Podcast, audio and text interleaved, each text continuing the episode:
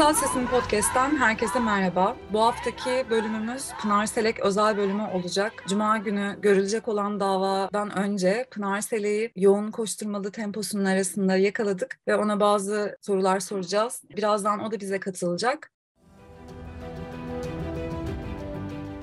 Ses Eşitlik ve Dayanışma Derneği kurucu başkanımız Gülseren Onanç'la beraberiz. Merhaba Gülseren Hanım. Merhaba Duygucuğum. Ben de heyecanlıyım Pınar'la konuşacağız diye. Sevdiğim bir arkadaşım. Davanın bizim için anlamı ne diye öncesinde belki sizden duymak isteriz. Ya 25 yıldır devam eden hem Pınar'a hem Türkiye'de feminist mücadele veren, eşitlik mücadelesi veren, kimlik mücadelesi verenler, Türkiye'deki o baskıcı düzene karşı savunmak zorunda kalan, bunun için mücadele veren bütün herkesin aslında bir sembol davasıdır Pınar Selek davası. Hakim düzen kendisinin dayattığı tek tipçiliğe karşı o özgün, özerk kimliğiyle var olmak isteyen herkese karşı ki Pınar bunlardan biridir. Pınar bunların savunucusudur. Bunlar için mücadele vermiştir. Eğitimi, bütün akademik süreci, bunları anlamak, anlatmak, bunların mücadelesine destek vermek içindir. Böyle bir kimliktir. Bu dava da bunların temsilcisidir aslında. Bu hakim düzenin, establishment'ın diyelim aslında devam ettiği mücadelenin işte 25 yıldır devam ettiği sürecin bir noktası bu. Yani bir türlü bitmeyen Pınar Selek davası üzerinden hepimize el sallanan, hepimize tehdit savrulan bir süreç bu dava. O yüzden ben bunu sadece Pınar Selek adına algılamıyorum. Bu hepimiz için açılmış bir davadır. Pınar Selek davası değildir. Bu Türkiye'de eşitliği, adaleti, kimliğiyle özgürce eşit bir şekilde yaşamak isteyen bütün vatandaşların davasıdır. E çünkü hepimizi tehdit altında bırakan bir durum var öyle değil mi? Yani yarın bir gün biz de işlemediğimiz bir suçtan yargılanıp beraat edip tekrar yargılanıp tekrar beraat edip böyle bir sürece maruz kalabiliriz demek oluyor bu mevcut düzende. O yüzden sahip çıkıyoruz biz bu davaya. Peki sizle daha önce sohbet etme fırsatımız oldu. Pınar Selek bizim için çok değerli. Onu bu yüzden bugün konuk almak istiyoruz yayınımıza. Ondan da duymak istiyoruz. Onun nasıl olduğunu merak ediyoruz. Yoğun bir akış var şu anda ve Fransa'da çok ciddi bir dayanışma var onun adına adına Pınar Selek'le dayanışma haftası düzenlendiğini öğrendim bu hafta. Her gün bir etkinlik, panel, söyleşi yapılıyor. Oradaki sanatçıların bazı çalışmalar yaptığını biliyoruz. Tabii ki Türkiye'de de bu böyle. Buradaki aktivistler de konuyu unutmadılar ve Pınar Selek'le birlikte durmaya, onun yanında durmaya devam ediyoruz hep birlikte. Siz nasıl tanımlarsınız? Pınar Selek bizim için kıymetli biri. Burada olsaydı bize katkıları daha neler olacaktı ya da hem soracağım zaten bunu konuşacağız. Hem de biz neden onun yanındayız? Yani haksızlığa uğrayan birisi olduğu için elbette ve aynı zamanda bizim için çok değerli olduğu için biraz sizden bunu duymak isterim.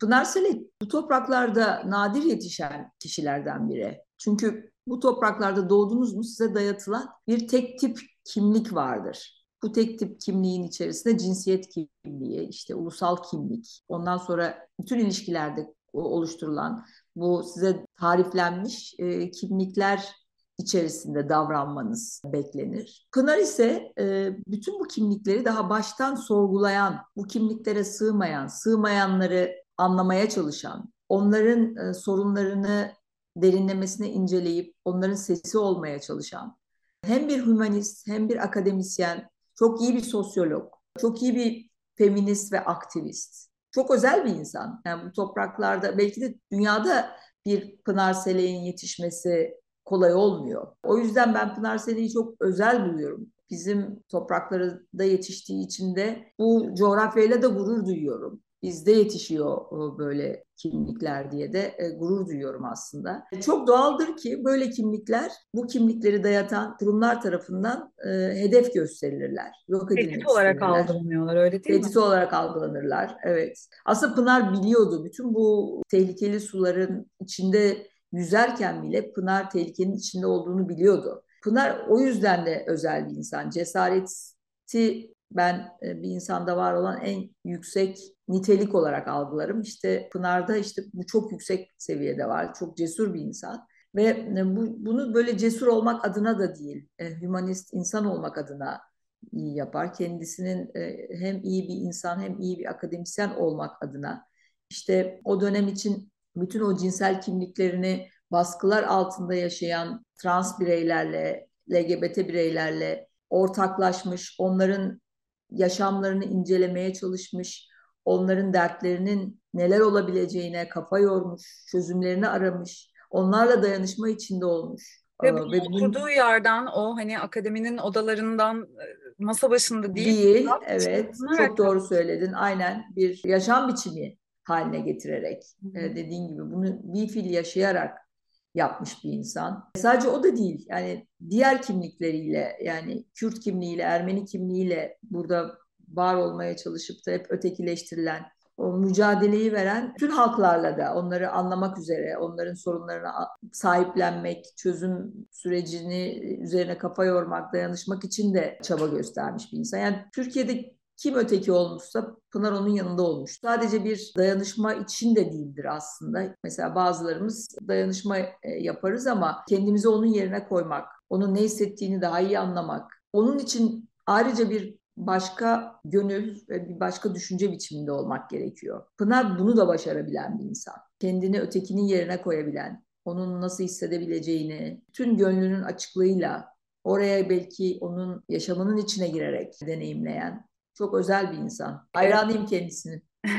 Biz de öyleyiz. Gerçekten de hakikatin peşinde olmak, çalıştığı konu her neyse onu en hakiki bir şekilde yapmaya çalışmak nadir bir özellik diyebiliriz belki günümüz için. Yani herkesin kolaylıkla varamadığı bir yer. Bu yüzden çok değerli birisi ve çok da değerli. Evet, bu, ve bu akılla da ulaş, ulaşılmıyor galiba Duygucuğum. Yani iyi bir entelektüel olmak iyi bir humanist olmayı getirmeyebiliyor. Yani biraz da gönül işi bu. Pınar'da ikisinin dengesi çok güzel var. Yani hem sürekli sorgulayan bir entelektüel arayış, o, o arayışın sınırlarını hep zorlayan o entelektüel merak, sürekli beslenen bir merak, sınırlarını zorlayan bir merak hatta tehlikeli olabilecek sulara dahi ona dayatılan bütün o sınırları aşarak, bütün o tehlikeleri de zorlayarak giden bir merak bir taraftan. Ama öte taraftan onu takip eden, onu besleyen, onu zenginleştiren bir başka yüce gönüllülük, açık gönüllülük, sevgi, empati, kucaklaşma. Bu hümanizm de onunla birlikte geldiği zaman yani o entelektüellikle tamamlandığı zaman işte Pınar Selek oluyorsun. Elbette çok iyi entelektüel akademisyen arkadaşlarımız, dostlarımız var. Bu sürece çok büyük katkıları olmuştur. Ya, ya da aktivist arkadaşlarımız var gönüllerini koymuştur ama yani her ikisinin el ele gittiği, bunu coşkuyla, sevgiyle, keyifle birazdan göreceğiz. Pınar'ın sesi keyifli gelecek yine. En stresli anda bile gülmeyi başaran, insan gördüğünde o insan canlılığıyla, insan sevgisiyle hemen bir gülücük, sevinç e, yaratabilen içinde bu hümanizmiyle de farklı Pınar. Evet, tam da ihtiyacımız olan e, özellikler değil mi? Özellikle bugünlerde. Kesinlikle, kesinlikle. İlham evet. veren birisi olmaya devam edecek Pınar Selek. Oraya gitmesi de aslında her ne kadar bizim için eksiklik olsa da kendisi için çok büyük eziyet oldu. Yani 25 yıldır ailesinden uzakta kaldı, sevdiklerinden uzakta kaldı, memleketinden uzakta kaldı. Bunu bir fil zaman zaman duydum, yaşadım, gittim onunla paylaştım. Ama onun içinde, bizim içinde yani uluslararası bir topraklarda bir Pınar Selek, Türkiye'li bir Pınar Selek'in olması, e, bu süreç içerisinde kendini orada var etmesi de hem kendisi için hem e, bizler için de çok önemli bir kazanç oldu. Pınar Selek Türkiye kökenli bir e, feminist e, kadın kimliğiyle var olması biz feministler için bir gurur kaynağı oldu. O orada da mücadeleyi örgütledi.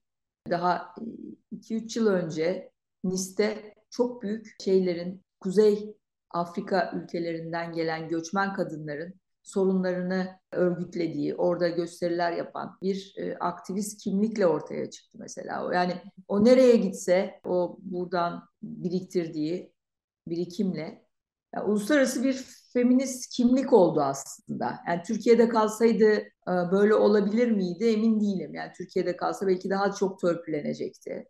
Hı hı. E, bir taraftan da biliyorum 25 yıldır orada geçirdiği süreç çok zordu. Ama hiçbir şey kolay olmuyor hayatta. Orada yaşadığı süreçte bir e, uluslararası aktivist kimliği yarattı Pınar'da.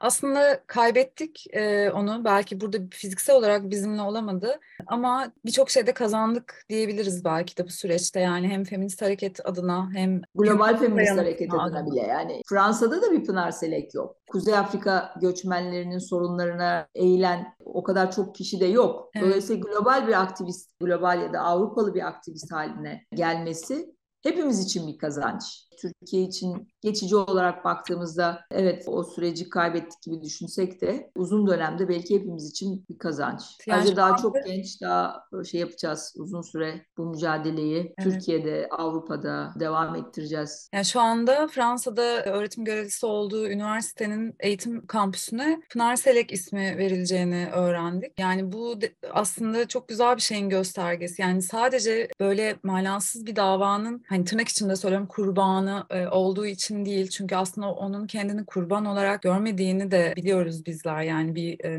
bunun kurbanı olduğunu da kabullenmiyoruz. Fakat hani sadece konu bundan ibaret değil. Yaptığı çalışmalarla, yürüttüğü projelerle diyelim ve yayınlarıyla, dersleriyle, anlattıklarıyla sadece hani işaret ettiği meselelerle bile sadece bize değil, dünyadaki birçok insana ilham olmaya devam edecek Pınar Selek. Kesinlikle.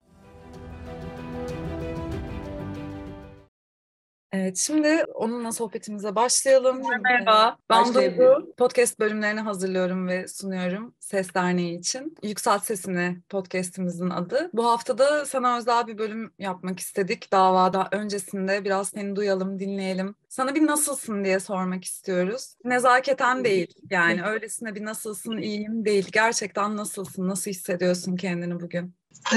Ben şu anda hiçbir şey düşünmüyorum sevgili Duygu. Yani sadece ve sadece kendimi işe odakladım. Yani nasıl olduğumu düşünmeyi ya da bunu cevaplamayı da şu anda kendime lüks görüyorum. Yani tamamen pratik e, gerekleri düşünüyorum şu anda.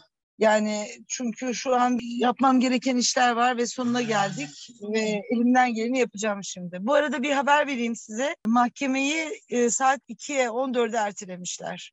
Hmm. Büyük salonu vermişler. Bu iyi bir gelişme. Yani bir duyuru yapabilirseniz ya da talatınızdakilerle konuşabilirsiniz. Seyda şimdi aradı. Yani duruşma saat 2'de başlayacak. Hı hı, tamam tabii biz bunun duyurusunu yaparız. Yarın bir zaten basın toplantısı da olacaktı. Hı. Orada davada bulunacak kişiler için. Ee, zaten aslında sormak istediğim, merak ettiğim şeylerden biri de bu. Yani hem Fransa'da hem burada çok ciddi bir dayanışma örgütlenmiş durumda bu dava için. Hepimiz çok merakla, çok umutla bekliyoruz. Artık hani e, umutların da biraz farklı hareket ettiği bir dönemdeyiz ya Türkiye'de biliyorsun. Yani bu dayanışma şimdi orada bir Pınar Selek haftası düzenlendiğini biliyorum Fransa'da. Her gün bir etkinlik yapılıyor. Oradaki senin bulunduğun üniversitenin kampüsüne senin adın veriliyor. Değer görüyor bu dayanışma bizim için. Biz de çok önemsiyoruz tabii ki bir arada olmayı ve hep birlikte sesimizi çıkarmayı. Senin için ne ifade ediyor? Eminim çok derin anlamları vardır senin için. Sana katkısı da olduğunu düşünüyoruz tabii ki. Ama sen bununla ilgili neler söylemek istersin bize? Biraz önce şimdi bir basın toplantısından çıktım. Pen Kulüp'te gerçekleşti. Yani Fransız Pen Kulübü'nde. Tüm örgütler vardı aşağı yukarı. Yani İnsan Hakları Derneği'nden işte Am Amnesty'ye, tüm feminist örgütlerden ama her çeşidi yani. Her birbirine normalde yüz vermeyenler bile LGBT örgütleri, ne bileyim tüm sosyoloji dernekleri, birkaç tane üniversite rektörü, bir sürü yazar, ressam, bütün yayın evlerimin hepsi vardı. Yani çok çok kalabalıktı. Asıl büyük etkinlik bugün o değil ama. Büyük etkinlik e, birazdan olacak. Ve hepsi tek tek benim onların hayatında neyi değiştirdiğimi anlattılar. Çok etkileyiciydi yani. Yani bu dava ile ilgisi yok ama. Yani geldiğimden beri yürüttüğüm çalışmalarla ilgili e, ben çok çok çok tuhaf hissettim kendimi. Balibar da vardı. Bir, bir sürü ünlü isim vardı yani. Ve tabii ben bunun davayla olan ilgisini düşünmeden yapıyorum yani yaptığım işleri. Ve Türkiye'de de bir mantığım vardı. Yani sorunlar arasında hiyerarşi kurmuyorum. Sadece o anda neyi yapabiliyorsam onu yapıyorum. Dolayısıyla da burada da öyle yaptım yani. Buraya gelince de devam ettim aynı tarza. Ve gördüm ki bazen e, çok zorluk çekiyorsun. Emek veriyorsun, emek veriyorsun. O anda karşılığını görmüyorsun ama sonra birdenbire bir bakıyorsun hiçbir şey boşuna değilmiş gerçekten. Yani ben sürecin kendisinin önemli olduğunu düşünüyorum Duygu. Süreç önemli. Yani biz bunun sonunda ne kazanacağız, ne kaybedeceğiz. Biz kazandık zaten. Yani Hı-hı. bir sürü genç yazıyor bana. Yani günde yüzlerce mesaj alıyorum. Instagram'dan, Facebook'tan, Twitter'dan, e, mailden ama acayip acayip ve böyle 14 yaşında, 18 yaşında, 25 yaşında. Yani benim yaşlarımda insanlar.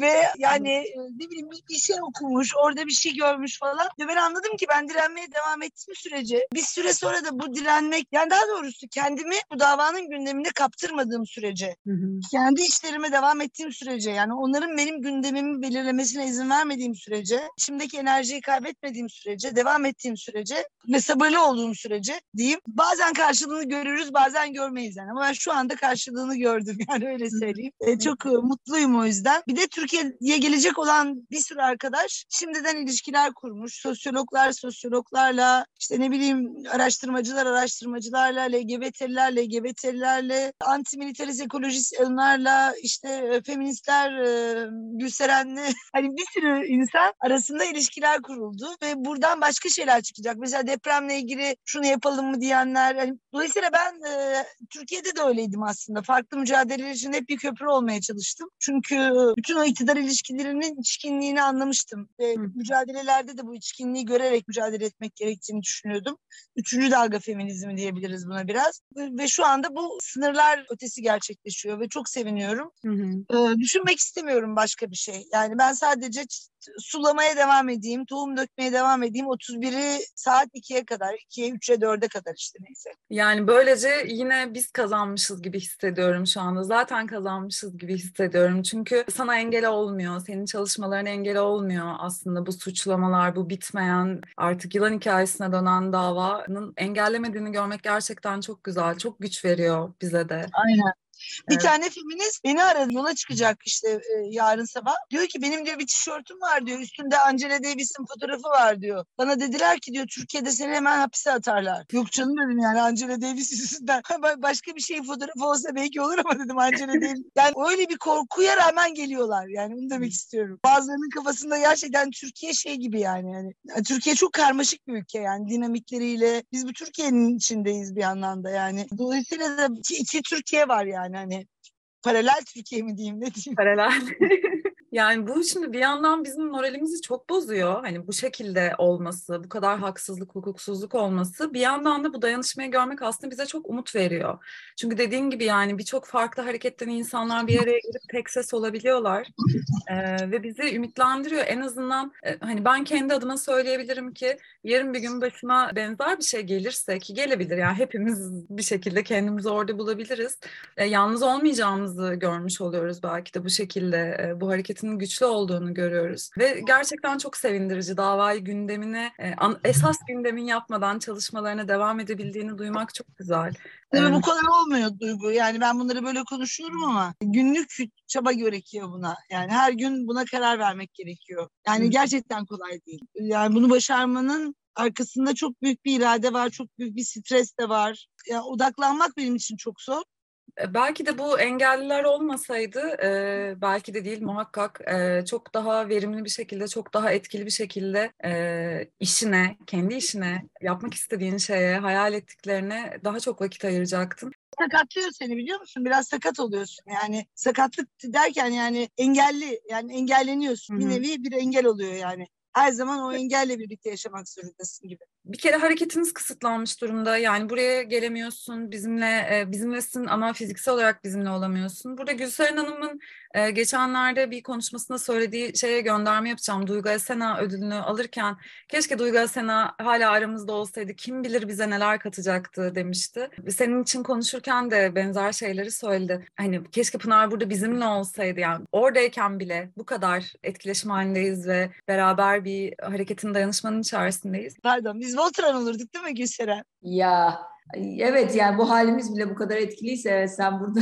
burada olsaydın gerçekten çok daha etkili olurduk. Tabii bunu bilenler de e, kendilerine göre pozisyon alıyorlar diyelim. Pınar ol- olsaydı Türkiye'de feminist hareket ne kadar daha güçlenirdi ya da şu anda LGBT hareketi ne kadar daha güçlü olurdu. Bütün bunları bilenler de işte e, onu orada tutmak, onu hala e, demokrasi kılıcını onun tepesine tutmak için ellerinden gelen her şeyi yapıyorlar. Ama ben başaramadıklarını düşünüyorum. Düşünüyorum işte. Ama bizim sayemizde, senin sayende, Duygu'nun sayesinde, benim sayemde yani e, otonomi yani yaratıyoruz düşüncemizde. Yani kimse bizim düşüncemize egemen olamıyor. Ya sen hep öyleydin Pınar. Yani sen e, bu toprakların yetiştirdiği çok nadir bir insansın. E, çünkü bu topraklarda hep bir tek tip vatandaş yetiştirilmek istenir. Yani cinsiyet kimliği, milliyet kimliği, ona ona tanımlanan her türlü davranış koduyla örnek bir vatandaş olması beklenir. Bütün eğitim kurumları, aile kurumu aslında e, bir prototip vatandaş yetiştirmek üzeredir ki sen aslında bunların hepsini tek tek sorgulayan, e, yeri geldiğinde kafa tutan, yeri geldiğinde o mağdurun yanında olup pozisyonunu net olarak ortaya koyan birisisin. Yani Türkiye kıstası seni hiçbir zaman tek tipleştiremedi, hep e, özel kıldı. O yüzden de aslında sen bu sistem için çok tehlikeli olarak algılandın. Sana dayatılan hiçbir kimliği kabul etmedin. Yani ne cinsel kimliğini, ne e, Türklük kimliğini, ne sosyolog, akademisyen kimliğini hepsini zorladın sen aslında. Bu kimliğinle belki de tehlike olarak algılandın. Ama e, bizim tam da senin gibi kişilere ihtiyacımız olduğu, e, hep aynı e, dönemler geliyor. Yani olduğu dönemlerde izleyeceğim ama yani yıllardır Türkiye'nin senin gibi insanlara sorgulayan, ona e, dayatılanı kabul etmeyen, buna karşı çıkan, bunu dayanışmayla yapan ve hep bir sistemi sorgulatan kişilere ihtiyacımız var. Ama sen orada olduğun zaman da bunu yaptın, yapmayı başardın.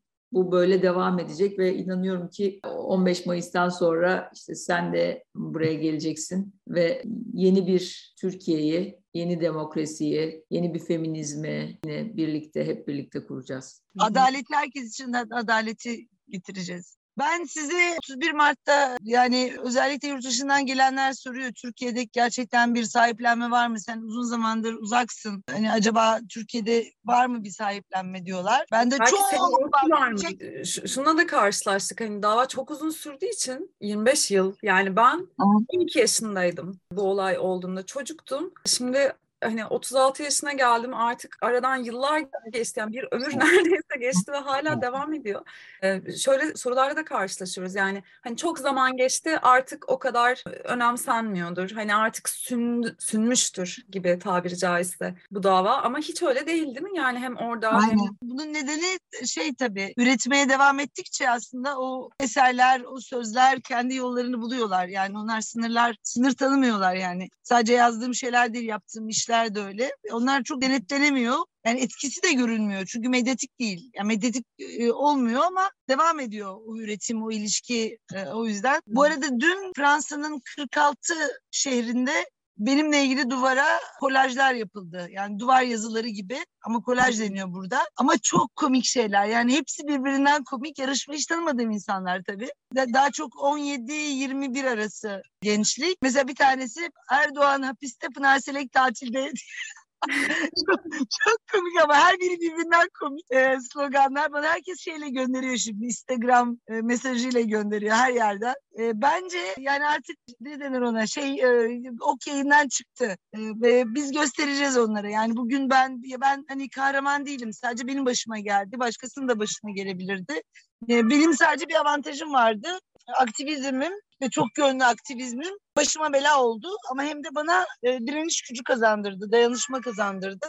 Biraz daha dayanacağız diye düşünüyorum. 31'ine herkesi mahkemeye çağırıyorum. Orada olacağız. Mutlaka orada olacağız. Orada olacağız. Güzel dileklerimizle, dayanışmamızla hep birlikte iyi haberleri bekleyeceğiz. Ama bugün seninle konuştuktan sonra görüyorum ki aslında alacağımız haber ne olursa olsun seni engellememiz galiba çok mümkün olmayacak gibi görünüyor. Seni durdurmaları. Umarım, çok... umarım kötü bir karar çıkmaz. Umarım Hayır, engelleriz. Tabii ki, tabii ki. Çünkü beni öldürmeyen her şey beni güçlendirir var ya o doğru değil. E, yoruyor. Yani çok yaralı da bırakıyor seni. Bir sürü yaraların oluyor. Daha zor direniyorsun falan bir şeyler. Ama öyle. Ben sizi çok özledim. Gülseren ne görüşmeyeli İstanbul'da görüşmeyeli. Çok zaman oldu. Ee, Duygu'yu da şimdi tanıdım, yarın özlerim yani. ya ne güzel. Umarım en kısa zamanda bir araya gelip şöyle güzel bir kutlama yap- yapacağız hep birlikte diye umuyorum ben de. Serenita'ya bekleyeceğiz seni. İlk, evet. ilk, ilk toplantını Serenita'da yapacağız. ben sana söz ettim. Yeni bir mekanımız var. Evet. Kadın mekanımız Cengiz var. diyor ki ben oraya da gideceğim. Cengo! beni şikayet etme selamlarımı söyle. Cengo diyor ki beni şikayet etme selamlarımı söyle diyor. Bunu çok seviyorum. Selam Cengo. Yardım ettin gördüm Pınar'a. Her zaman. çok güzel. Her şey çok güzel olacak. Acayip şeyler oluyor. Ee, Umarım, Evet. umarım onlar bu utancın içinde boğulacaklar. Valla onlarda utanacak yüz var mı bilmiyorum Cengo da. Dur bakalım. De. Hadi biz geldik. Ee, sizi öpüyoruz. Sevgiler, selamlar, hürmetler. Gerçekten Görüşmek üzere. Canım canlarım benim. Ses Eşitlik Adalet Kadın Platformu'nun hazırladığı Yükselt Sesini podcast'tan aktaracaklarımız bu haftalık bu kadar. Haftanın kadın gündemini eşitlikadaletkadın.org web sitemizden ve sosyal medya hesaplarımızdan takip etmeyi unutmayın. Haftaya yeniden buluşmak üzere, hoşçakalın.